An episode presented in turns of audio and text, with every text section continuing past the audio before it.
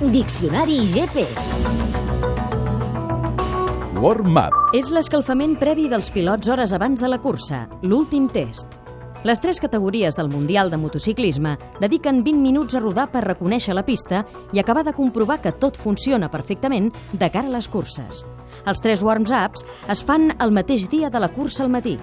És la darrera oportunitat perquè els més endarrerits posin la moto a punt.